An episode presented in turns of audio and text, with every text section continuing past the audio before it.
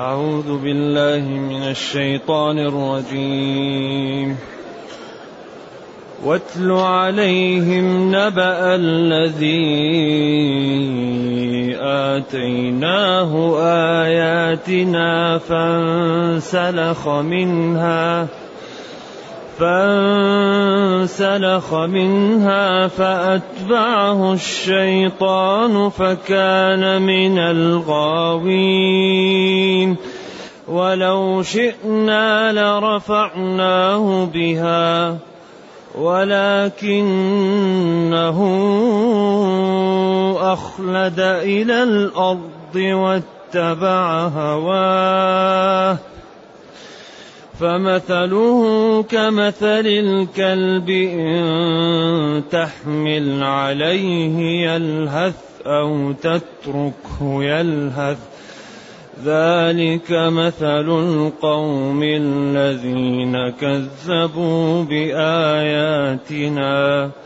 فاقصص القصص لعلهم يتفكرون. ساء مثلا القوم الذين كذبوا بآياتنا وأنفسهم كانوا يظلمون. من يهد الله فهو المهتدي. ومن يضلل فأولئك هم الخاسرون. بارك الله الحمد لله الذي أنزل إلينا أشمل كتاب وأرسل إلينا أفضل الرسل وجعلنا خير أمة أخرجت للناس. فله الحمد وله الشكر على هذه النعم العظيمة والآلاء الجسيمة. والصلاة والسلام على خير خلق الله وعلى آله وأصحابه ومن اهتدى بهداه. أما بعد فإن الله تعالى لما بين أن اليهود لم يلتزموا بالتوراة وقالوا لا نمتثل هذه الأوامر ولا ننتهي عن هذه النواهي رفع الله الجبل فوقهم نتقه. وأصبح كأنه ظلة كأنه غمامة أو سحابة أو مزنة فوقهم. وقال لهم خذوا امتثلوا أوامري وإلا نزلت عليكم الجبل. فلما شاهدوا الحقيقة امتثلوا. امتثلوا تحت الضوء. امتثالا لا خيار لهم فيه. امتثلوا وسجدوا وقالوا نفعل وتابوا. ثم أراد أن يخوف الخلق وأن يجعلهم يهتمون اهتماما قويا بالأمور التي تكون لهم نجاة.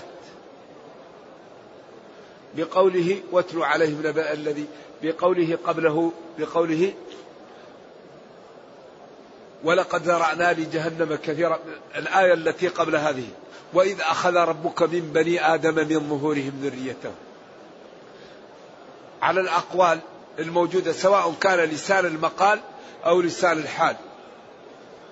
وأن الأدلة والبراهين القاطعة والواضحة لا تجعل للمتأمل لبسا في وحدانية الله واستحقاقه للعبادة. وفي عجز الخلق عن أن يقوموا للخلق بشيء مما يحتم عليهم توحيد الله والإخلاص له. لأن الخلق عاجزون عن أن يوصلوا لأنفسهم نفعا أو أن يدفعوا عن أنفسهم ضرا. أما الله تعالى فالكون خاضع له إما بلسان الحال أو بلسان المقال. لسان المقال كالمسلم. المتقي يقول لا إله إلا الله ويعبد الله. ولسان الحال هو أن الناس عاجزة عن أن تدفع عن أنفسها وأن تجلب لأنفسها. إذا هي بعجزها كأنها منقادة ومطيعة لله. ولذلك كل من في الكون هو منقاد لله. ولذلك قال ولكن لا تفقهون. وإن من شيء لا يسبح بحمده. ولله يسجد من في السماوات والأرض طوعا أو كرها. لأنك أنت لا يمكن تتمثل الأكسجين في دمك. لا يمكن أن تجعل الغذاء ينفعك. فأنت مضطر إلى الله في كل لحظة. إذا أنت شئت أم أبيت الله هو ربك وهو خالقك. إذا أنت ضروري تعبده. لأنك إذا ما عبدته كأنك أنت أهلكت نفسك. ثم قال بعد ذلك لما بين واتلوا عليهم. اتلوا يا نبي عليهم على من معك من بني إسرائيل أو ممن لا ينتبهون. نبأ الخبر الذي له شأن. آتيناه أعطيناه. آياتنا حججنا وبراهننا وأعطيناه العلم وفهمناه الحق. وللعلماء في هذا الرجل أقوال كثيرة. قيل بلعام بن باعوراء وقيل بلعم بن باعر وقيل أمية بن الصلت وقيل الرجل من بني إسرائيل وقيل من الكنعانيين وقيل من الأنصار كان منافقا. أقوال كثيرة ولا يصح منها شيء. وأكثر ما يقول المفسرون إنه رجل من بني إسرائيل. يقال له بلعام بن باعوراء وأن هذا الرجل أعطاه الله العلم. قيل الذي أعطاه الله الاسم الأعظم وقيل الذي أعطاه الله فهم الكتب بعض الكتب السماوية وقيل الذي أعطاه الله النبوة وهذا باطل. لأن الأنبياء لا يعملون هذه الأعمال الله أعلم حيث رسالته. فالأنبياء معصومون عن خسائس الأمور فكيف بالكفر؟ فهذا باطل وإنما هذا الرجل الله أعطاه العلم ولما أعطاه العلم لم يعمل به.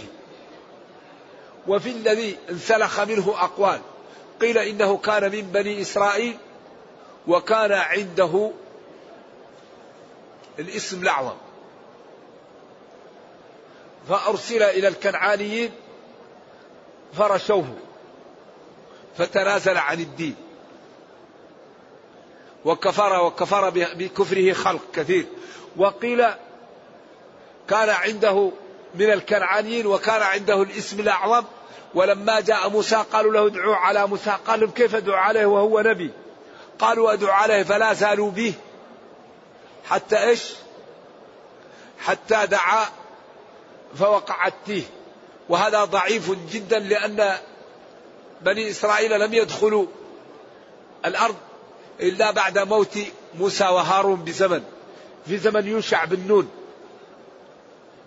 يوشع بن كالب أو آه، يعني هذا الذي جاءوا في زمنه ودخلوا وقيل هذا الرجل أعطاه الله دعوات مستجابات فتقول الإسرائيليات أنها ضيعها في أهله في زوجه. فكانت دميمة. فقالت سل الله أن يجعلني من أجمل نساء بني إسرائيل. وهذا لا يصح. لكن ذكره المفسرون إسرائيليات فدعا الله أن تكون أجمل نساء بني إسرائيل. فارتفعت عنه. فدعا الله أن يجعلها كلبة تنبح. فاستجاب الله له. فقالوا فقال أبناؤها أمنا يعيرون الناس بها. ادعوا الله أن يجعلها مثل حالته الأولى. فذهبت الدعوات الثلاثة في هذا. وهذا طبعا لا لا لا يعضده نص. وإنما الذي يسير مع السياق أن هذا الرجل كان عنده علم وأنه لم يعمل بعلمه وترك العلم العمل بعلمه واتبع الشيطان فأضله الله. أيوة. واتلو عليهم اقرأ عليهم عليهم على اليهود. أتلو يا نبيي عليهم على اليهود. نبأ خبر. الذي آتيناه آياتنا بلعام بن باعوراء على أق... على الأقاويل المشهورة وقلنا إنه لم يثبت شيء من هذه. فانسلخ منها. أعطيناه العلم فلم يعمل به. انسلخ. والانسلاخ هو أن تفك شيئا من شيء كان ملتصق به كسلخ جلد الشاه أو البعير.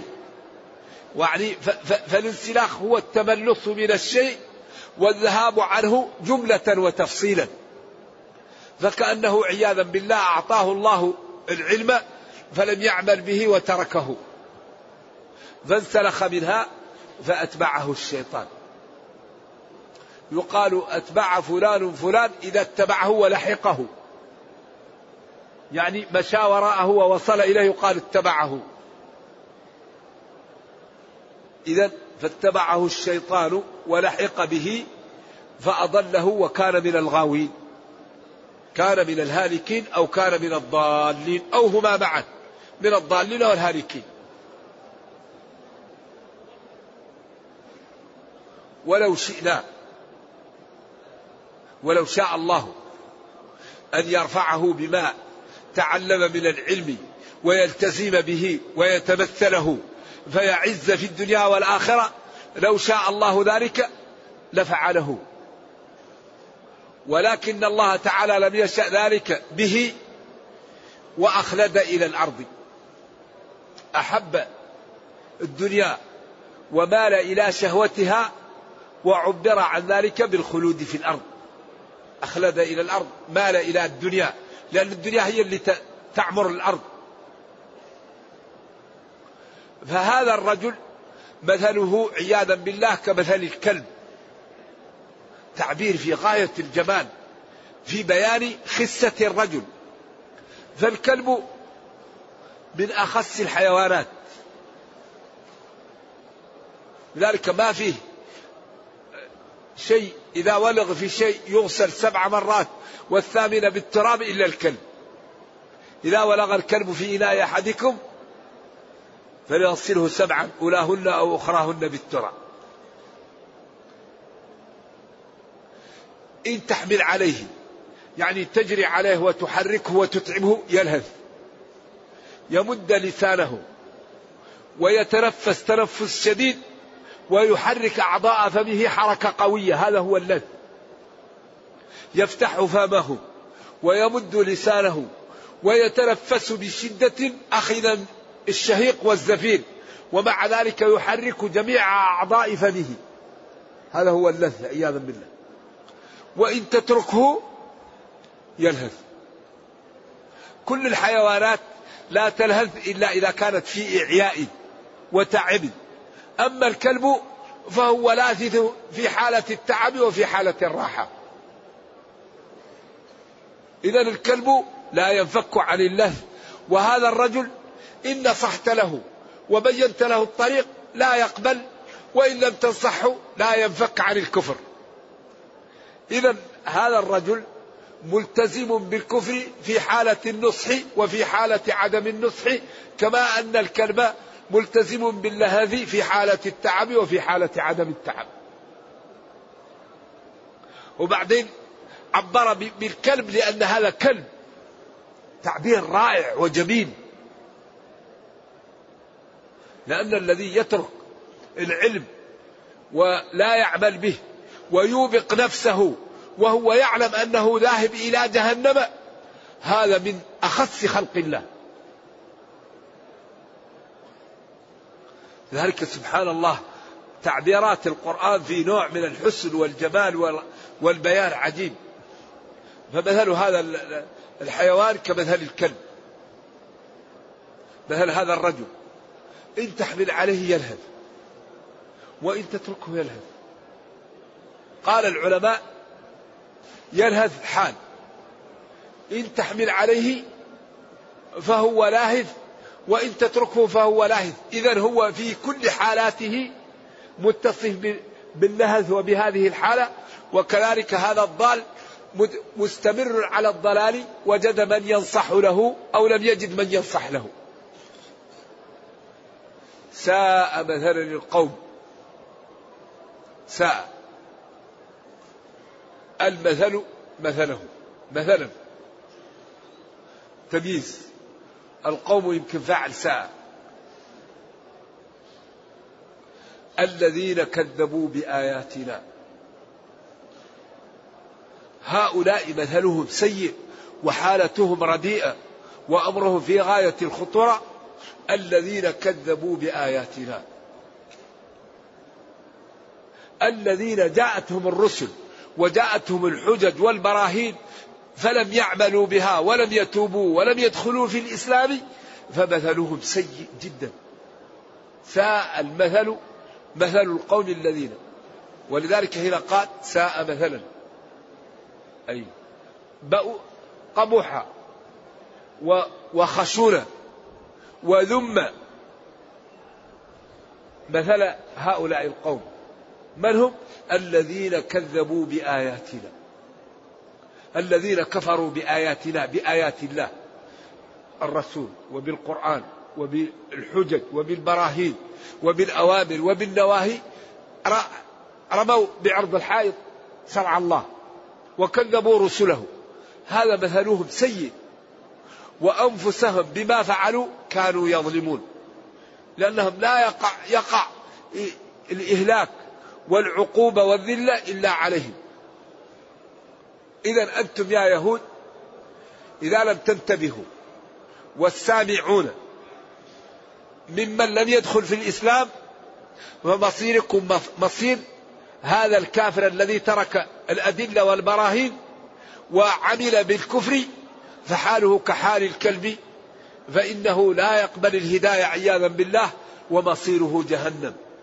فبادروا بالتوبة وبالإقلاع عن المعاصي قبل أن تحل عليكم النقمة ويحق عليكم غضب الله فتموتوا على الكفر فتخسروا خسارة لا وراء وراءها. ولذلك أخطر شيء أن يموت الإنسان على الكفر. ما يوجد شيء أخطر من هذا. إذا الذي يفعل هذا يظلم نفسه. يوقع نفسه في الظلم ويوقعها في الهلكة وفي الورطة. ثم قال من يهدي الله فهو المهتدي. من يهدي الله فهو المهتدي. ومن يضلل فأولئك هم الخاسرون.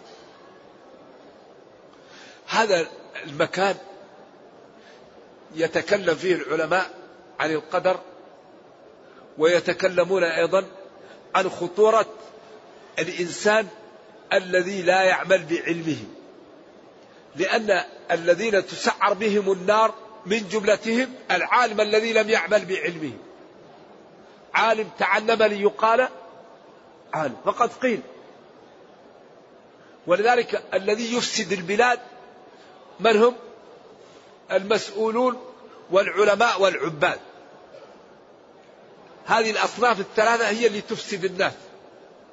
المسؤول إذا كان غير صالح والعالم إذا كان غير صالح والعابد إذا كان غير صالح.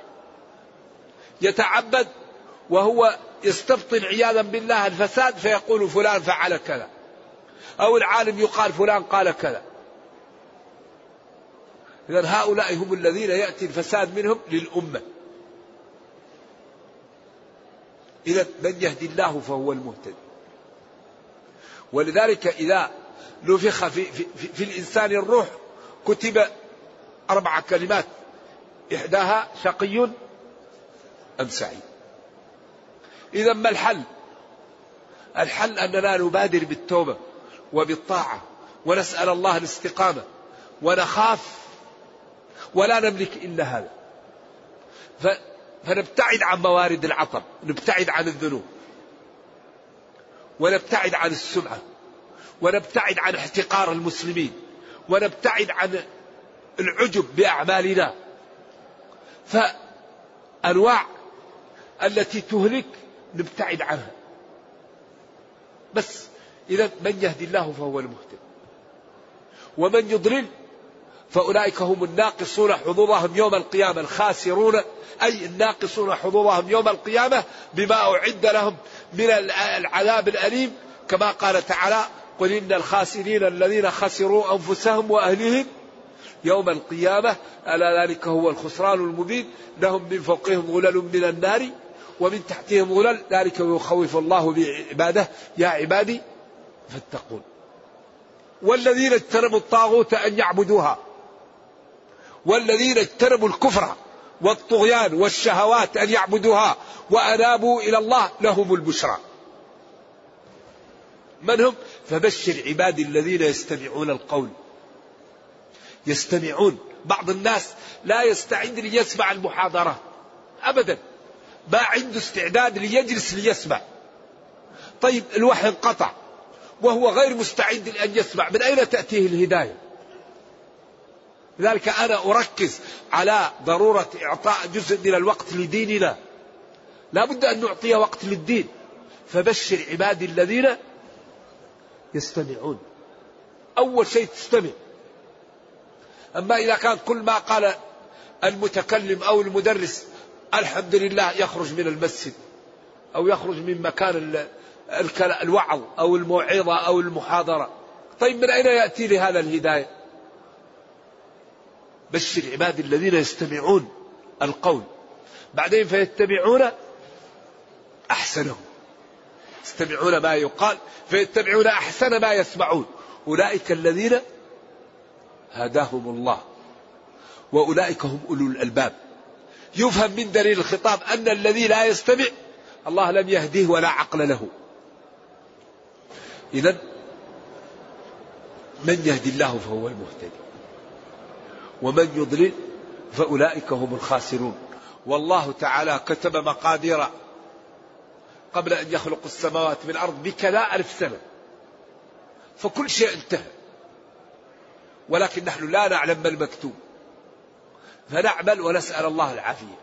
ولما استشكل الصحابة جاء الجواب من نبيهم صلوات الله وسلامه عليه. لما نزلت آية الحديد ما أصاب من مصيبة في الأرض ولا في أنفسكم إلا في كتاب من قبل أن نبرأها. إن ذلك على الله يسير. ثم قال لكي لا تأسوا على ما فاتكم ولا تفرحوا بما أتاكم. قالوا ففيما العمل يا رسول الله؟ قال اعملوا اعملوا. فكل ميسر لما خلق له. اعملوا اعملوا. ولما قال الصحابي له أعقل الناقة أو أتوكل أعقلها أو أتوكل أو أقيدها أو أتوكل. ماذا قال له؟ قال له اعقدها وتوكل. إذا نحن نقوم بطاعة الله ونسأل الله الهداية ونسأل الله التثبيت على الإيمان. والله لا يسأل عما يفعل. وبإذن الله تعالى العبد إذا استقام وسأل الله الله يقول ادعوني أستجب لكم. ويقول إن الله لا يضيع أجر من أحسن عملا. ويقول ولا ينصرن الله من ينصره. فالذي يخاف الله ويعمل هذا مظنة ودليل على أن الله تعالى إيش؟ هداه. وأنه وفقه وكتبه في اللوح المحفوظ من المتقين. أما الذي يسرع للمعاصي ولا يخاف الله ويقدم على الذنوب ويقسى قلبه ولا يبالي فهذا مظنة عياذا بالله على أنه إيش؟ ولذلك قال فكل ميسر لما خلق له. ولا يوجد شيء أخوف من السابقة ولما قال موسى لأبيه آدم. أنت أبو البشر خيبتنا وأخرجتنا من الجنة. قال له أتلومني على أمر قد كتب قبل أن أخلق بأربعين سنة؟ فحج آدم موسى. فحج آدم موسى. قالوا لأن القدر يستدل به على المصائب لا على المعائب آدم تاب فتاب. والله غفر له. فهذا أصبح قدر قدره الله. لكن الواحد ما يروح يسرق ويقول الله قدر علي نسرق نقول له كما قال عمر. عمر جاءه سارق جاءه بسارق فأراد أن يقطعه. كيف قال كيف تقطع يدي والله قدر علي أن نسرق قال له كيف تعترض علينا والله قدر علينا أن نقطع يدك. هو فلا يست... فلا يستدل بالمعايب على القدر لا. وإنما الأمور التي حصلت يقول هذا الشيء الله كتبه. أما المعائب لا. فنحن نعمل ونجتهد ونسأل الله التوفيق. وبعدين ما دام الله رزق العبد العبادة والدعاء والخوف ما رزقه هذا إلا يريد به الجنة إن شاء الله. أما يقول أنا ما أنا ما أدري ما كتب لي وينام يا ويلي من يفعل هذا؟ هذا خطر. يقول أنا ما أدري ماذا كتب لي. أريد أنام وبعدين المكتوب سيقع. هذا عياذا بالله هذا زندقة؟ هذا تلاعب الله قال اعملوا وبين وأمر أن تنفذ أوامره وأن تجتنب نواهيه. وعند ذلك إذا فعل العبد هذا إن شاء الله ربنا إيش؟ يصلح له دنياه وأخرى. ولذلك هذا سر القدر. ولذلك لما قال المعتزلي جاءه أعرابي وقال له يا شيخ ضاعت لي أتانا ادعو الله أن يرد لي أتانتي. قال اللهم إنك لم تشئ ضياعها. قالوا يا هذا كف من دعاء إذا لم يشئ ضياعها فقد يشئ إيجادها ولا توجد. ولذلك لما قال المعتزلي سبحان من تنزه عن الفحشاء قال السني سبحان من لا يقع في ملكه إلا ما يشاء. قال له أتراه يدعوني ويقفل الباب دوني؟ قال إن كان هذا ملكه فعدل وإن كان حقك فظلم. الله لا يسأل عما يفعل. الخلق خلق الله. ولذلك أنت لو ولله المثل الأعلى لو عندك غنم وذبحت منها شاة تقول ظلمتها. لذلك الله خلق بعض الخلق شوك وخلق بعض الخلق مثل العنب والتمر. وهؤلاء تظهر فيهم رحمته وهؤلاء تظهر فيهم سطوته. وبضدها تتميز الأشياء ونرجو الله أن يجعلنا من المرحومين. لا يسأل عما يفعل. أمره إذا أراد شيئا أن يقول له كن فيكون نعم. نرجو الله تعالى أن يهدينا. ولذا يقوم العبد بالأسباب ويسأل الله التوفيق. نرجو الله جل وعلا أن يرينا الحق حقا ويرزقنا اتباعه وأن يرينا الباطل باطلا ويرزقنا اجتنابه وأن لا يجعل الأمر ملتبسا علينا فنضل سبحان ربك رب العزة عما يصفون. وسلام على المرسلين والحمد لله رب العالمين والسلام عليكم ورحمة الله وبركاته.